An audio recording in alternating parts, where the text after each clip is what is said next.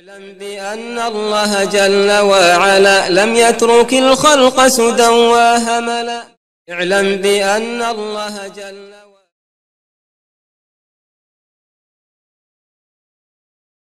بسم الله الحمد لله الصلاة والسلام على رسول الله. استعين بالله لا حول ولا قوة إلا بالله. اللهم لا سهل إلا ما جعلته سهلا وأنت تجعل الهزن إذا شئت سهلا. اللهم أرنا الحق حقا وارزقنا اتباعه وأرنا الباطل باطلا وارزقنا اجتنابه ولا تجعل الحق ملتبسا علينا فنضل. اللهم آت نفوسنا تقواها وزكها أنت خير من زكاها أنت وليها ومولاها برحمتك يا أرحم الراحمين. ربنا لا تزغ قلوبنا بعد إذ هديتنا وهب لنا من لدنك رحمة إنك أنت الوهاب. اللهم حبب إلينا الإيمان وزينه في قلوبنا وكره إلينا الكفر والفسوق والعصيان واجعلنا برحمتك من الراشدين اللهم يسر ولا تعسر اللهم بارك وتمم بالخير أما بعد Sva hvala i zahvala pripadaju samo Allahu, savršenom, veličanstvenom, gospodaru svih svjetova. Njega hvalimo zbog njegove savršenosti. On svaku hvalu zaslužuje zato što je svaka njegova osobina potpuna bez mahane. Njega ili njemu zahvalijemo na svemu što kaže ili uradi, a tiče se nas, to jest na svemu što nam propisuje u vidu njegovog savršenog, potpunog šarijata i na svemu što nam propisuje od sudbine, bilo to dobro za nas ili nam ne godilo. Jer on je savršen, a savršen ne griješi i zna tačno koga koliko treba blagodati da počasti i koga koliko i kad treba kakvo, kakvim iskušenjem da iskuša. Allah subhanahu wa ta'ala zbog svega ovoga zaslužuje da se beskrajno voli i veliča. Od njeg pomoć tražimo jer vjernik živi po la havla wa la kuvvete illa billah nakon što je priznao la, ispoznao la ilaha in Allah to jest, to jest odreće se bilo kakvog vida moći za promjenu bilo kakvog stanja osim ako mu Allah subhanahu wa ta'ala to dozvoli i omogući. Vjernik zna da ne može okom trepnuti, niti srcem kucnuti, a kamo li nešto više od toga, osim da mu Allah subhanahu wa ta'ala to omogući i pokrene. Od njeg oprost tražimo, jer svakodnevno mu griješimo, a on je onaj koji mnogo prašta i semenostan je od njeg uputu tražimo, jer je to najveća blagodat, jer mi smo stvoreni za vječni život. Naše duše nisu od uvijek, ali jesu za uvijek, zato, će, zato što će ih Allah za uvijek održavati. I mi želimo da vječno i za uvijek u džennetu uživamo i da vječno i za uvijek džehennema spašeni budemo, a put do dženneta je uputa a to samo Allah daje, pa samo od Allaha subhanahu wa ta'ala stalno nadamo se i molimo. I ono što nam je Allah od toga dao čuvamo, to jest uputu tražimo, da nas uputi napravi put i da nam poveća uputu, jer koga Allah uputi napravi put, nemamo zablude, koga Allah subhanahu wa ta'ala u zabludi ostavi, nemamo ni pomagača, ni upućivača. Zato žudeći ka Allahom, za Allahom zadovoljstvom i džennetom, nadajući se njegovoj nagradi i milosti, strahujući od njegove subhanahu wa ta'ala kazne koju smo svojim gresima već zaslužili, svjedočimo da nema drugog Boga sem Allaha, jedini i nema sudruga, i da je Muhammed sallallahu anehi ve sallame Allahov rob, najbolji i njegov poslanik, posljednji, Allah ga je odlikovao sa dvije stvari. Prva, da bude najbolji rob. I to je osnova. I druga, da bude najbolji poslanik, čime se upotpunjava robovanje Allahu subhanahu wa ta'ala. a on je ovom drugom stvari posebno odlikovan u odnosu na ostala stvorenja. Neka je Allahu salavat i selam, a salavat znači, kao što je došlo vjerodostojno sahihu kod Buharije, da Allah subhanahu wa ta'ala spomene njega u najboljem društvu, u društvu meleka koji su blizu Allaha subhanahu wa ta'ala. I selam što znači obavijest i garanciju obavijest da ga je Allah subhanahu wa ta'ala već sačuvao od toga da pogrešno prenese i do, popusti uvjeri da zamijeni i odustane. I dova da Allah subhanahu wa ta'ala ga sačuva od svega i to je ovaj je primljena poslanik sallallahu alejhi ve sallam već u kaburu uživa najvećim užitkom mogućim među od svih stvorenja. Neke je Allah salavat se nam na njega, njegovu porodicu i ashabe i sve one koji ga budu slijedili želeći tim Allahovo zadovoljstvo do sudnjeg dana. Zatim 66. poglavlje باب ما جاء في حماية النبي صلى الله عليه وسلم حمى التوحيد وسده طرق الشرك poglavlje o tome da je poslanik sallallahu alejhi ve selleme čuvao pristupe tevhidu i zatvarao sve puteve koji vode ka širku. Imali smo slično poglavlje nakon prvih 20 poglavlja u ovoj knjizi sledilo je poglavlje o tome da je poslanik sallallahu anehi ve sallam čuvao granice tevhida i sprečavao pristupe širku. I u tom poglavlju su spomenute određene stvari koje se razlikuju od onoga što je spomenuto ovdje, kao što se razlikuje i naslov. Jer granica nečega je sastavni dio toga, a pristup nečega je stepen više, korak dalje, ono što je oko granice kao što mesjid ima svoje zidove koji su njegove granice, tako ima svoj haram ili sah, ako šta raki kažu, a to se zove hima. Čovjek ima kuću, ima dvorište. Dvorište nije isto što je kuća.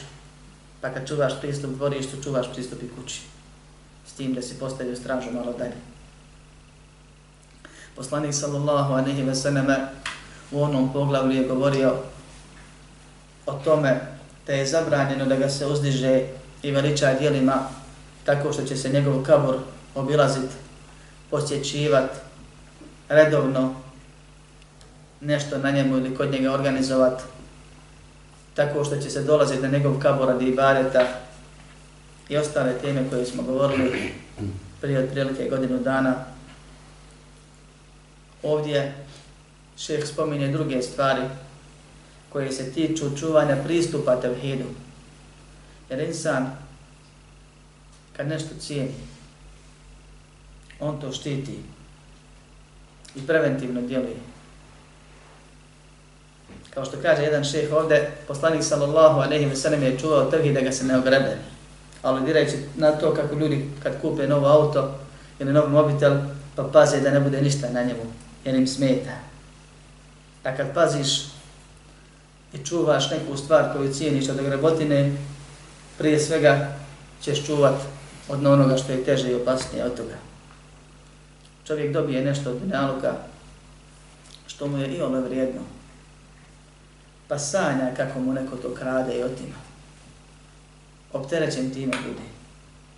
A cijeli dunjaluk je ono što je na njemu kod Allaha ne vrijedi i kod čovjeka ne vrijedi. Nikoliko je krilo mušice kao što je došlo u hadisu, kažem ko čovjeka ne, ne bi trebalo da vrijedi se za njega veže, jer sve to bude i proći, a duša vječno traje. Duša će svačija da nadživi dunjalog, da ponese sa sobom ono što je koristi za onaj drugi svijet. Dunjalog će da propadne, da se Allahom voljom i dozvolom raspadne, da od njega ništa ne ostane. Ne ostane. Stoga treba čovjek da isto tako smatra dunjaluk i sve što je na njemu bezvrijednim. Imao to on ili ne imao. Pa čovjek kad ima nešto dunjalka, kažem, sanja kako mu neko otima, ili misli, ili čuva, sjedi, pije kafu, čuje neki alarm, misli odmah, misli odmah njegov se upalio, skače na prozor, gleda je li to nije to i tako dalje. I poznate stvari oko nas, što se dešavaju. Pazi da ga se ne ogrebe, bilo šta da ima od dunjalka, od onoga što on cijeni. I tako i treba. Čovjek treba da vrednije stvari da, ne, da se ne razbaca, a ne smije biti opterećen njima. Kažem tako, treba mislim na cijenjenje čuvanja, ne na ovo opterećenost koju, čije sam primjera nadao. Allahov rob musliman, kad bude počašćen hajli suprugom, on je čuva. Čuva je od svega onoga što je može da našteti. Čuva je svojom ljubomorom koja je vjerska i koja je naređena. Čuva je od toga da je iko drugi vidi i pogleda. I tako treba. I zato kaže poslanik sam Allahu ve sellem za čudan primjer, primjer Sa'ada, čudite se njegovoj ljubomori, Wallahi, ja sam ljubomorniji od njega, Allah je ljubomorniji od svih. Kad nešto cijeniš, to i čuvaš. Ovo samo sitni primjeri da dođemo do glavne stvari. Nemamo ništa vrednije od upute. Nema upute bez tevhida. Srž upute je tevhidu Allah subhanahu wa ta'ala. La ilaha inna Allah i sve ono što to podrazumijeva. Muhammedun Rasulullah i sve ono što to podrazumijeva. La ilaha in Allah znači samo je Allah savršen. Samo je Allah gospodar. Samo Allah smije i mora da se ibadetom obožava ili drugim riječima nema istinskog Boga koji zasluži da ibadetom bude obožavan osim Allaha, jer niko sem Allaha nije savršen i nikom sem Allaha ne gospodari, to jest ne posjeduje i koristi štetu. Pa mu je, pa se je besmisleno bilo kome drugom sem njemu obraćati. Sve ovo znači la ilaha in Allah. Muhammedun Rasulullah. Znači Allah je poslao jednog čovjeka. Muhammeda, sina Abdullah, kojeg poznajemo iz Mekke, a zatim iz Medine, da bude poslanik između Allaha i onih kojima je poslan sa onim što je poslan. Da bude poslan ljudima i džinima sa poslanicom Islama koja je građena tevhidu. Pa komu se pokori ući će u dženetkom odbije, pokornost ući će u vatru. I zato Muhammedun Rasulullah je tevhid poslanike, kao što kaže Ibn Qayyim. I zato svaka novotarija nagrid za načine šteti tevhidu. Jer se time krši tevhid Muhammedun Rasulullah i drugi dio šahadeta. Zbog toga smo stvoreni. I to je najvrednije što imamo. I to je ono što ljude vodi u džennet. I to je ono što ljude vodi direktno u džennet. I to je ono zbog čega će posljednji džahennemlije od muslimana da izađe iz džahennema ako bude imao makar i malo tevhida, trun tevhida.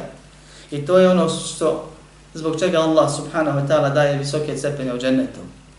I to je ono što smo završili u protekli godinu i pol kroz predavanja. Danas i naredne sedmice, ako Bog da nema novih propisa, imamo samo primjere kako je poslanik sallallahu alejhi ve selleme se brinuo o ovoj stvari i nešto o Allahovoj subhanahu wa ta'ala veličini i veličanstvenosti kao što će doći ako Allah da sljedeće sedmice.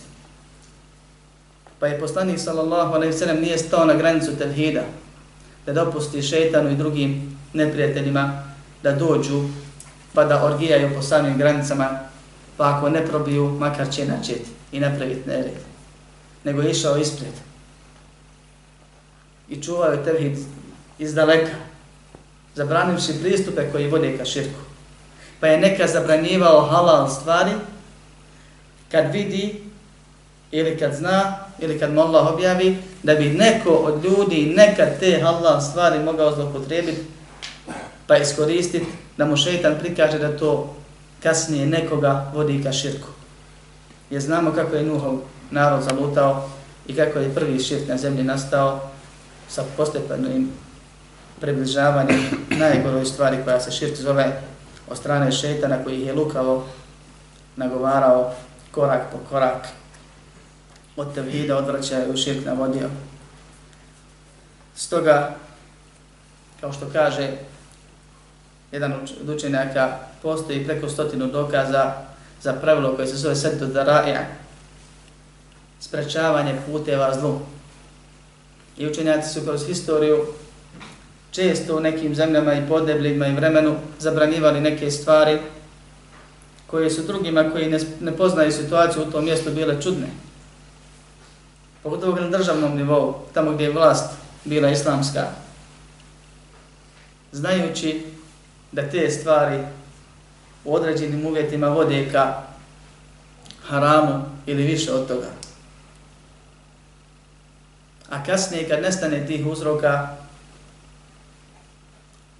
vraćali bi se na osnovu i govorili bi da su te stvari dozvoljene, jer su one u osnovi bile dozvoljene. I poslanik sallallahu alaihi ve sellem im je uzor u tome. I to nije pretjerivanje, to se zove, mislim kritika toga se zove nedovoljno poznavanje i nerazumijevanje šarijeta, a ne nešto drugo, kao što često čujemo na jezicima naših internet šehova koji se čude učenjacima kad kažu da neku stvar treba ostaviti, da je zabranjena, pogotovo u nekoj zemlji dalekoj, zato što to vodi ka tome i tome, a njima to smiješno bude, a ljudi znaju i šarijaske dokaze za ono što govore i praktične primjere kako je mnogi ljude to odvelo u zlo, pa zbog toga kažu ili govore ono što govori. Kaže, an Abdullah ibn Shahir, رضي الله عنه قال انطلقت في وفد بني عامر إلى رسول الله صلى الله عليه وسلم فقلنا أنت سيدنا فقال أسيد الله تبارك وتعالى Od Abdullah ibn Šahira radijallahu anhu se prenosi da je rekao krenuo sam sa delegacijom plemena Benu, A, plemena Benu Amir do Rasulullah sallallahu alaihi wa sallam. I rekli su mu, rekli su mu ti si naš sajid. Ovim riječima, kao što kod nas ima često dodaju u neke zikrove, ne vihina o sejiduna Muhammed, sejidina, sejiduna i tako da.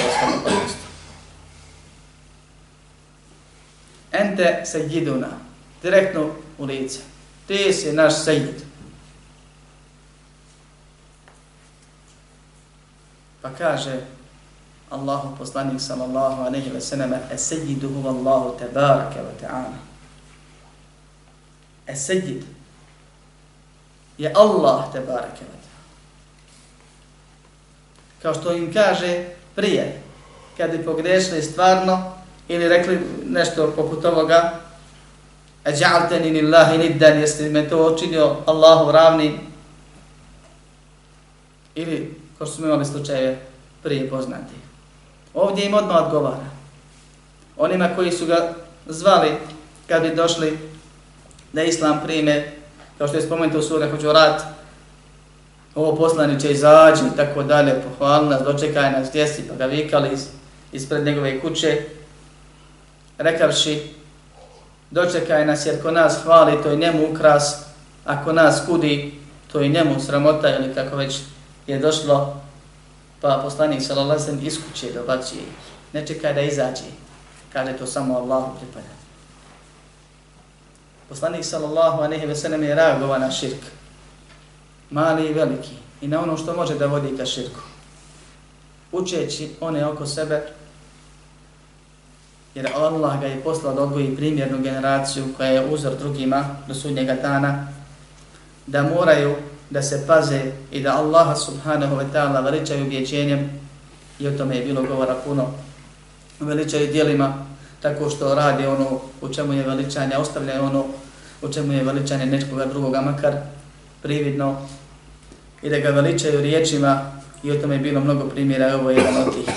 Tako što će ostaviti ono čime se neko, makar indirektno ili slikovito, veliča kao Allah ili ostaviti pretjerano hvaljenje ljudi u lice jer to vodi ka fitni onih koji, koji hvale i onih koji se hvale. Pa kaže Esejid je Allah tebareke wa ta'ala. Šta znači sejid? Zbog ove riječi ima i razilaženje i problema puno. Sejid znači prvak gospodin, vođa, vlasnik, upravitelj ili upravnik, gospodar. Kad kažeš es sajid, obuhvatio se sva značine, to samo Allah pripada. Jer je samo Allah pravi gospodar, pravi vlasnik svega, pravi upravitelj. On je prvi, nemamo sličnog ni ravnog i tako dalje i tako dalje. Međutim, Da li je haram reći sejid? Nije. U nekom smislu, a jest u drugom. Ili može biti u drugom. Jer poslanik sallallahu anehi ve selleme za sebe kaže, kao što je u drugom hadisu, Ene sejidu valedi ibn Adem wala fakhr. Ja sam prvak, sejid, među sinovama Ademovi i ne hvalim se, nije to gdje hvali, nego vas obavišta. I sam ja najbolji od svih. Kaže za svog unuka Hasana, inna hada ibn sejid. Ovaj moj sin je sejid. Prvak, najbolji.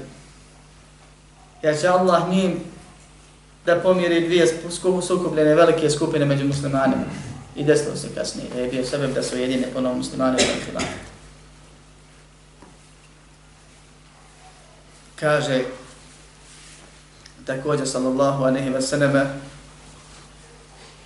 ustanite svom sejidu, najboljim među, među vama, svom prvaku. Kaže, neka niko ne kaže, moj rab, moj gospodar, kao smo imali primjer, nego kaže sejidi, moj gospodin, moj prvak, moj vlasnik. Po nekim hadisima dozvoljava, a ovdje reaguje kaže to samo Allahu pripada. Kaže pulna, wa afdaluna fadlan wa a'azamuna tavlan, ovo ćemo inša Allah pojasniti kraju. Kaže, dalje, rekli smo isto tako, vi ti si najbolji, najvredniji među nama. Jer istina to? Sumnjao neko. Kaže, va, va, a'zamuna tawlan.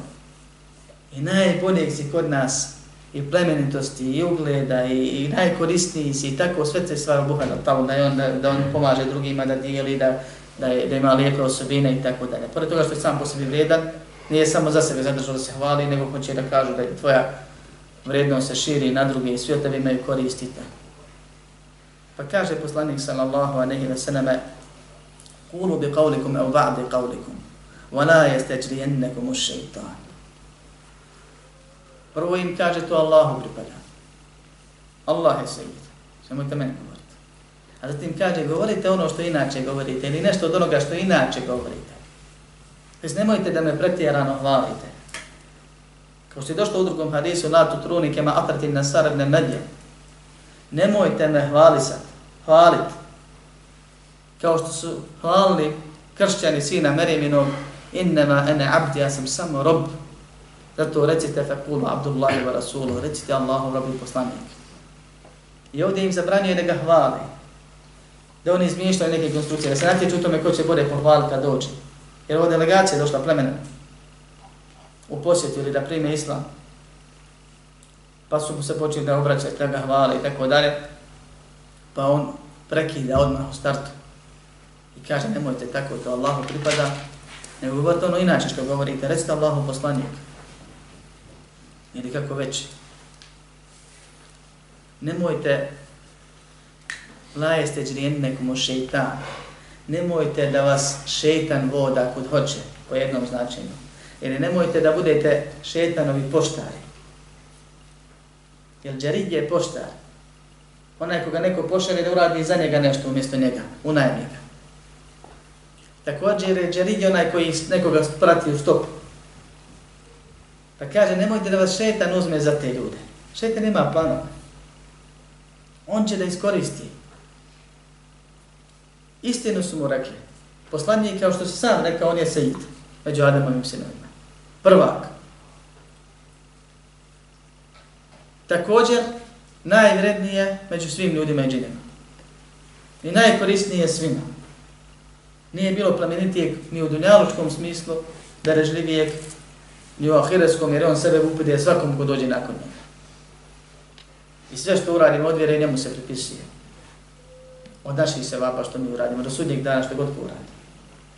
I on je uzrok tome. On je sebe. Tako da je najkorisniji od svih ljudi i džina. Ništa od ovoga što su rekli nisu rekli neispra, neistinu. Ali su rekli neispravno. Došli su čovjeku, makar to bio poslanik, i u lice sasuli hladnost mnogo hvali. A poslanik sam se već prije zabranio da se neko hvali u njegovom prisustvu. I kad je neko pohvaljen u odsustvu, kaže poslanik sallallahu alaihi sallam da te čuo, u helač bi otišao. Jer hvalisanje ljudi, samo hvalisanje je strogo zabranjeno i hvaljenje ljudi u njihovom prisustvu je zabranjeno. Da hvališ da ti pričaš drugome, a on sluša. A kako je tek kad se njemu obraćaš? To već ima doza veličanja. I to gotovo terminima koji su zajednički, shodno tome kome se potrebe u izrazima za Allaha subhanahu wa ta'ala i za ljudima. Pa kad se pripiše Allahu znači nešto drugo, znači potpunost. Kad se pripiše ljudima znači u njihovom domenu. Ali baš ta riječ, kao što je reč sejid, ili meula. I upravo ovu riječ muslimani su koristili na halal način, muslimani su koristili na način da je poslanik sa sam presjekao put i iz umeta muslimanskog je koriste ljudi kad se mole evlijama, imamima i tako dalje. To jest, ima onih koji se pripisuju islamu, nazivaju se muslimanima, a žestoko su toliko ovu riječ. Da su poslanika sallallahu a ve ne slušali, ne bi toliko zaludili. Allah je objavio poslaniku sallallahu da reaguje ovako. Jer on nije reaguje, nije govore po hiru svom. Sve što kaže i naredi, upozori, opozori, opomene, to je objava koja mu se objavljuje. Stoga, Allah je znao što će biti u budućnosti. Kao što kaže na jednom mjestu, nakon spostavljena dokaza li jehlike men heleke an wa yahya men hayya an bayyina Da propadne ko propadne nakon jasnog dokaza i poživi ko, pro, ko poživi nakon jasnog dokaza. To je sustra i bude normalno. Ispravan. Pa hadisi postoji. I kad kažeš ljudima da je nevalja u atahidjatu i druge stvari dodava se idina u salavate, ovdje ili onde, kažu ti ne voliš poslanika sam se. Čak kaže dio učenjaka je zbog te potvore na servinike sunneta od strane raznoraznih novotara, šef nije ovdje spomenuo naslov rekavši pogled o tome da ne treba direktno govoriti se id poslaniku ili nešto tome slično. Jer bi odmah rekli evo ga vriđa poslanika ko što govori sallallahu alaihi wa sallam. Nego je promijenio naziv i spomenuo srži suštinu. Zbog čega je poslanik ovako ragao i zbog čega muslimani izbjegavaju da mijenjaju nešto od njegove vjere ili da ga veličaju iznad nivoa, da mu nekakve hvalospjeve pjevaju u kojima ga božanskim osobinama opisuju na udu bila kao što to rade neki drugi koji se opet hvale time da su oni ašici. A iške, ljubav se straši da nas Allah sačuva prema Allah i poslaniku kažu. U drugom hadisu se kaže, pa koji ćemo poslije na, na završiti temu, od Enesa radi Allahu anhu, da su ljudi rekli, ja Rasul Allah, o Allahu poslaniće, ja hajrana obne hajrina, wa sejidana obne sejidina, o najbolji među nama i sine najboljih među nama. I naš prvače i sin naših prvaka. Pa se Ulema trudi da pojasni ovu riječ. Hajde da je najbolji među nama, to znamo. Ali svi najbolji među nama znamo da su mu roditelji i djedovi jedan duži dio loze bili nevjernici, nemuslimani, mušlici, da će u džahennemu vječno biti kao što je on, sallallahu sallam, pojasnio. Pa šta se čira time sine najbolji među nama? Da li se čira ono što je on, sallallahu sallam, obavijestio da se njegov gen prevrtao po kičmama poslanika i vjerovjesnika dok nije izašao kad je Allah htio, to je da, se u da je on iz poslaničke loze, ili obično porijekla Dunjalučko, jer je zaista bio najbolji porijekla s aspekta Dunjaluka, a ne misli se da su oni sad dobri u dunjalučkom i ahireskom smislu zato što, što zbog ove riječi. Pogotovo što je ovo riječ ljudi, a ne riječ poslanika sallallahu alaihi wa sallam. I ti si kada naš sejid i sin naših, onih koji su bili esijad, naših prvaka, pa kaže poslanik sallallahu alaihi wa sallam, ja juhen nas, o ljudi, ulu bi qavlikum, govorite ono što inače govorite, ne pretjerujte, ne prelazite granice u govoru, u hvali, La jestehvijennekum u šeitan. Nemojte da vas šeitan odvodi, da vas šeitan zavodi, da šeitan vam prilazi preko vaše strasti. Jestehvijennekum. Isto značenje ima koji prošlo, ali izraz je malo donosi nam još neka značenja. Jer čovjek ima, ima neku sposobnost ili volju da hvali. Takav je. Voli da ljude hvali. Pa njemu priđe, priđe jedan preko toga, znajući kakav je. Pa da prijeđe granicu hvalisanja. Neko voli nešto drugo, pa mu šeitan prilazi preko toga i tako dalje. Pa ovdje kaže, nemoj da šeitan iskorista vašu strast, da vas opet odvodi kud on hoće. Ene Muhammedun, Abdullahi wa Rasuluh. Ja sam Muhammed, Allahov rob i njegov poslanik. I vallahi, ne svjedoči šehadet ispravno ko ne razumije i ne spoji ove dvije stvari. Da je Muhammed prvo Allahov rob, koji sa Rabbom nema ništa, ni upravljanju, ni određivanju, ni od presućivanju na ahiretu, ne može uputiti napravi put koga on hoće, želi. Jer Allah to u Kur'anu kaže, inneke la tehdi men ahbebit. Ti ne upućuješ na pravi put. Ne zna gajb, pa nije mogao izbjeći da ga bude ranjen. I mnoge druge stvari. Osim ono što ga Allah podučio, obavijesti od gajba kojeg samo Allah zna, pa on izbjegne kao što je izbjegao atentat u Mekki. Zato što je objavom došla, ne zato što je on zna. Ne može sebe zaštititi ako Allah hoće da ga iskuša. Pa je bio i ranjen, i poražen, i gladan, i tako dalje. Jer je rob, ali u robovanju. Sve je to biljalog. U robovanju je bio najbolji. Allah subhanahu wa ta'ala je najbolje veličao, najbolje obožavao, najbolje mu ibadje činio. Najljepše se i najispravnije prema robovima i vjernicima i nevjernicima ponašao. Prema njima postupao. Do ti mjere ga Allah vali. Wa inneke na'ana hulukin azim. Ti si zaista najljepši morala. Najbolji rob. Laqad kane lakum fi rasulillahi usvetun hasana. I Allahom poslanik imate najbolji primjer. Nema bolji primjera U robovanju Allahu subhanahu wa ta'ala. Također, kad kažeš ovako, ne treba govoriti sejid, ne treba ovo, ne treba ono, ne treba pretjerano veličati hvaliti, smišljati, treba se držati granica šerijaskih, kažu ti vrijeđaš, poslanika nije Muhammed s tobom ovce čuvao, što kažu mnogi, ovim riječima. Nije Muhammed alihi sallam nam s tobom ovce čuvao. Nije. Sačuvaj Bože od toga pomisli ne tako nešto u tom kontekstu u kojem se potrebljava. Ne, Mi ga poštujemo jer nam je primjer u robovanju prije svega. I znamo da nije ni jedan poslanik i vjerovjesnik ravan njemu, kamo ni drugi robovi jer je počešćen poslanicom i da bude pečat poslanika i vjerovjesnika i da bude najbolji od svi, da bude od Ula Azm petorci, od pet odabranih, odlučnih, među njima od najbolje dvojice Allahovih prijatelja i da bude poseban kojim pripada vesile u džennetu na Amud Mahmud na Ahiretu i da je Allah njime zapečatio vjeri da je samo njega poslao svim ljudima i džinima za razliku od prethodnih i ostale stvari koje su od njegovih posebnosti I mi to vjerujemo i potvrđujemo. Ali i tu granicu ne prelazimo. Kažemo Allahov poslanik, Allah ga poslao da kaže ono što Allah hoće, a ne da radi i kroji vjeru kako hoće. I da dopusti vama da vi izmišljate i dodajete od vjere šta hoćete i mislite da valja.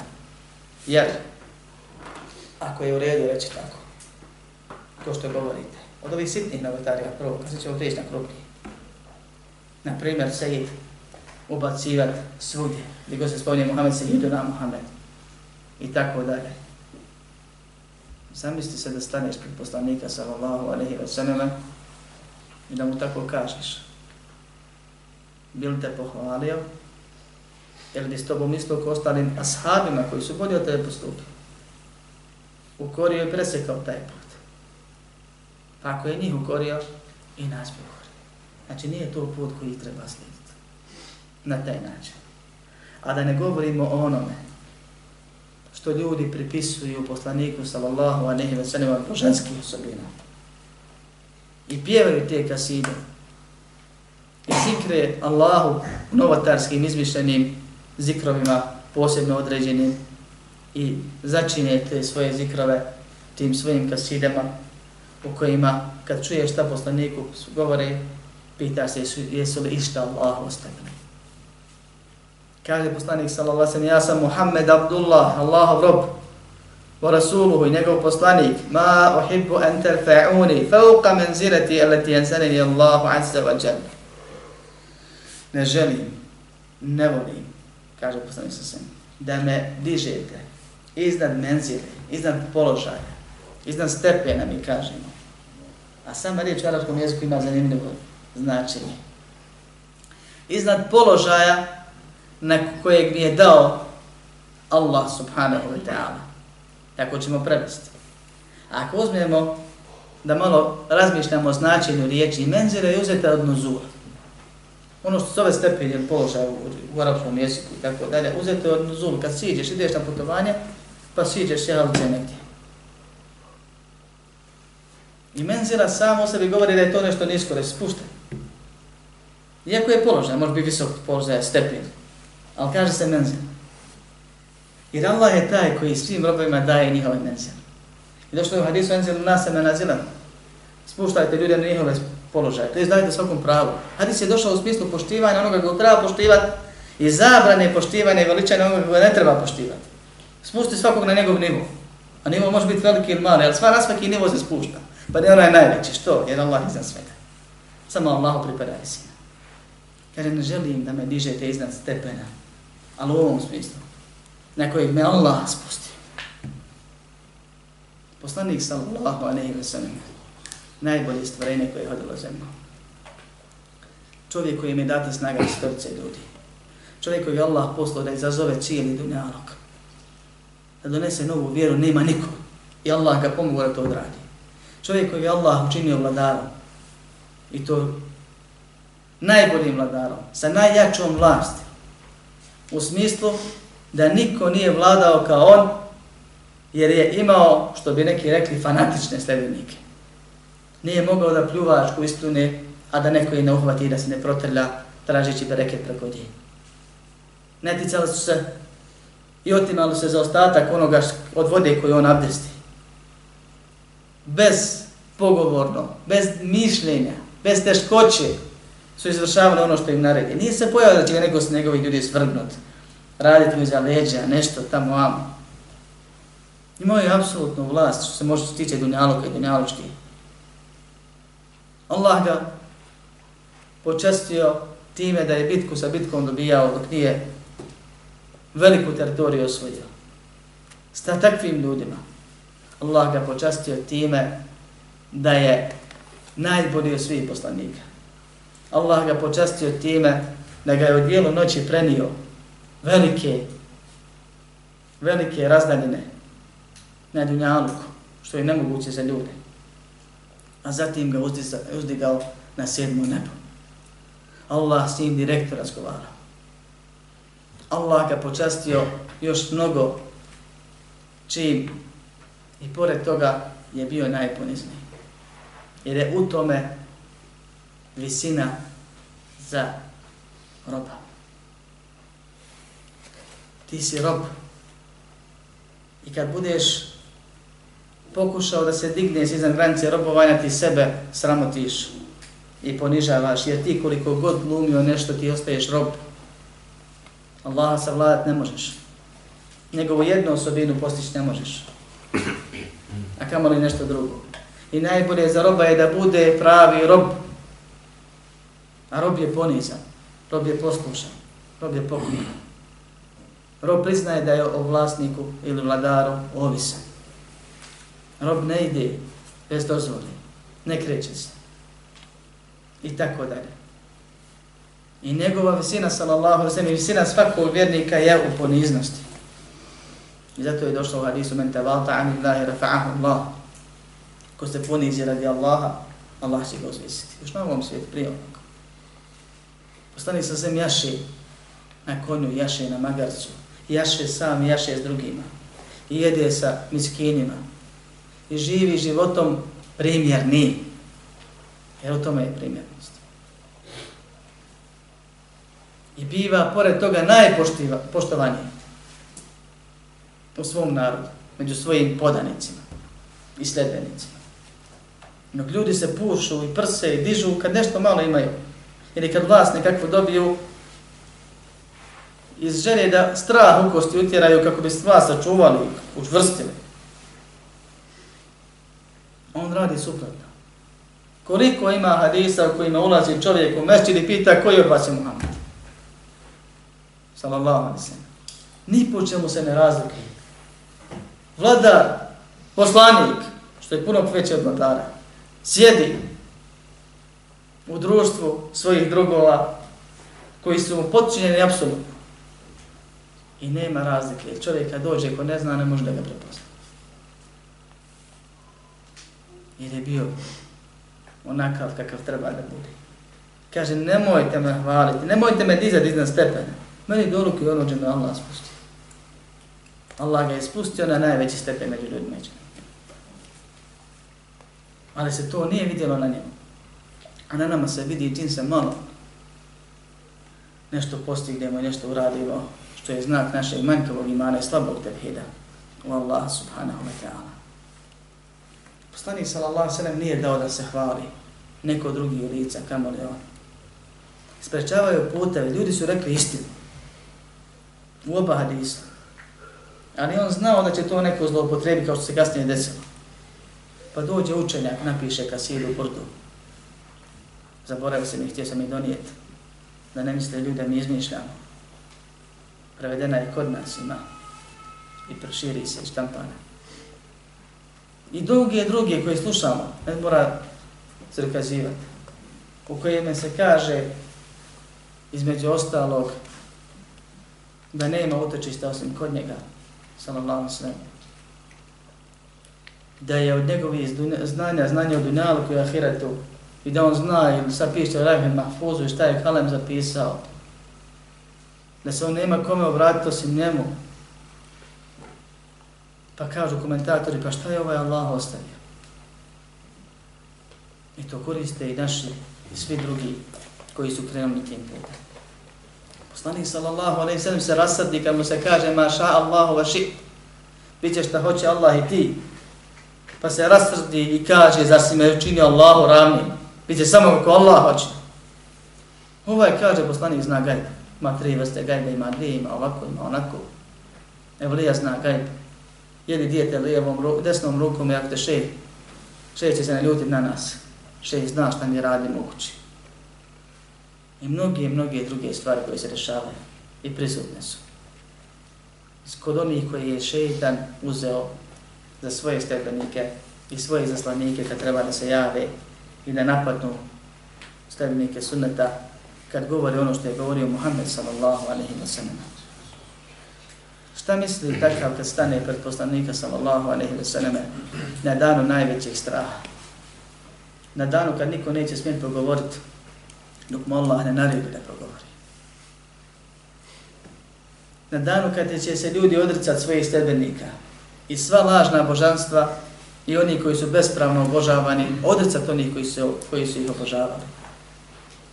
Kad će musli koji je činio širk, kad vidiš tamo je odkazne, reći Wallahi rabbina ma kunna muštekin. Allah nam, gospodara naše, nismo mi širčini.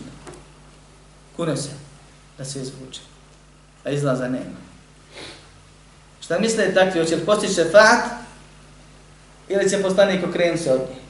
Za manje stvari od toga, za novotarije uvjeri. U hadisima kod Buhari i muslima, vjerodostinim je došlo da će ljud, meleći tjerat vjernike muslimane od umeta Muhammeda sam sve od hauda. Pa će ih poslanik prepoznat po tragovima abdesta i ostalim znakovima kojima će se nas umet pozna, poznavati u odnosu na drugi. Pa će biti rečeno, pa će reći, moj umet, moj umet. Pa će mu biti rečeno ti ne znaš šta su oni mijenjali nakon tebe. Pa će reći suhkan, pa bu'den, li me nahdete ba'de. Nek je daleko, nek je prezrent. Nek ide, udalite one koji su mijenjali nakon mene. Odreće se momentalno Muhammed sallallahu alaihi sallam. Najmilosti vi je stvorenje od stvorenja. A nema milosti u onome što nije tvoje.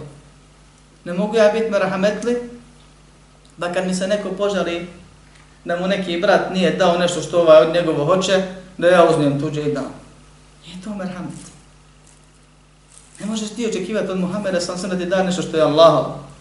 Da te udavede u džene, sačuva džahenema, džahenema se kazni. On je put do dženeta, da. Zato što je Allah ga poslao da nam pokaže kako se ide u džennet. A ne da zlopotrebljavamo svoj život i svoju lošu vjeru i da se prepustimo poslanikovom šefatu kao da imamo garanciju. A poslanik sam kaže šefat ili ehli, ehli tavhidi min umeti. Moj šefat će obuhvatiti one koji su na tavhidu od mog umeta. A ne one koji su na širku. A ljudi sebi umisle da mogu da pričaju, da govore šta hoće i da pjevaju šta hoće i kažu to je pjesnička sloboda, to su stilske figure, to ne odnosi se na to, to ne smeta. Kad pričamo u redu, ali kad pjevamo, nije u redu.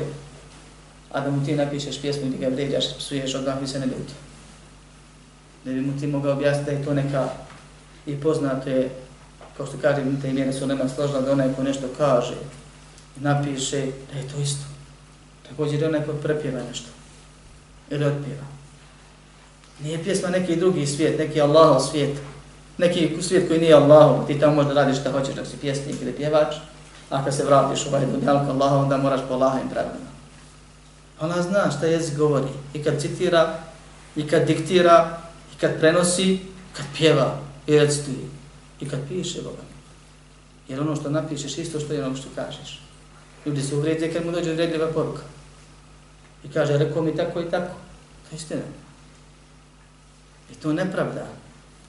I na amnestira one koji rade suprotno uputi Muhammeda sallallahu aleyhi ve sallama kao što kaže Allah uzvišenje fa yahdar alladhina yukhalifuna an amrihi an tusibahum fitnatun aw yusibahum azabun anim neka se dobro pripaze oni koji postupaju suprotno naređenju njegovu to je poslanikovu. Da ih ne snađe fitna to je zejp sklonoska i pa da im Allah odvede srca izvjere do širka i kufra ili makar bol napad. A molim Allah subhanahu wa ta'ala da nas pomogne da shvatimo blagodat koju imamo, a to je blagodat tevhida. Jer tevhid je kroz ovu knjigu detaljno pojašnjen na osnovu onoga što, što, što mu smeta i što se kosi s njim. Molim Allah subhanahu wa ta'ala da nam poveća naš tevhid, popravi naš tevhid, pomogne nam da radimo i pozivamo u ono, po onome što je Allah subhanahu wa ta'ala objavio što je zadovoljan da slušamo našeg poslanika Muhammeda sallallahu alaihi wa sallam da molim Allah da nas pomene kao što vjerujemo u Allaha i u poslanika, da vjerujemo Allahu i poslaniku i da u to ne sumnjamo i da potom radimo i da na tome ustrajimo i da na tome preselimo i da na tome proživljeni budemo jer zaista je to najveća blagodat. Imam Ahmed umire i kažu mu Allah te usmrti na islam, kaže ne, pa se svi znade i na sunnetu. Jer to je zaista pravi put koji džennet vodi. Pa molim Allah da nas pomože na tevhidu i sunnetu, proživi i usmrti na tevhidu i sunnetu i uvede u džennet sa onima koji su na tevhidu i sunnetu. Amin. Walhamdulillahi rabbil alamin.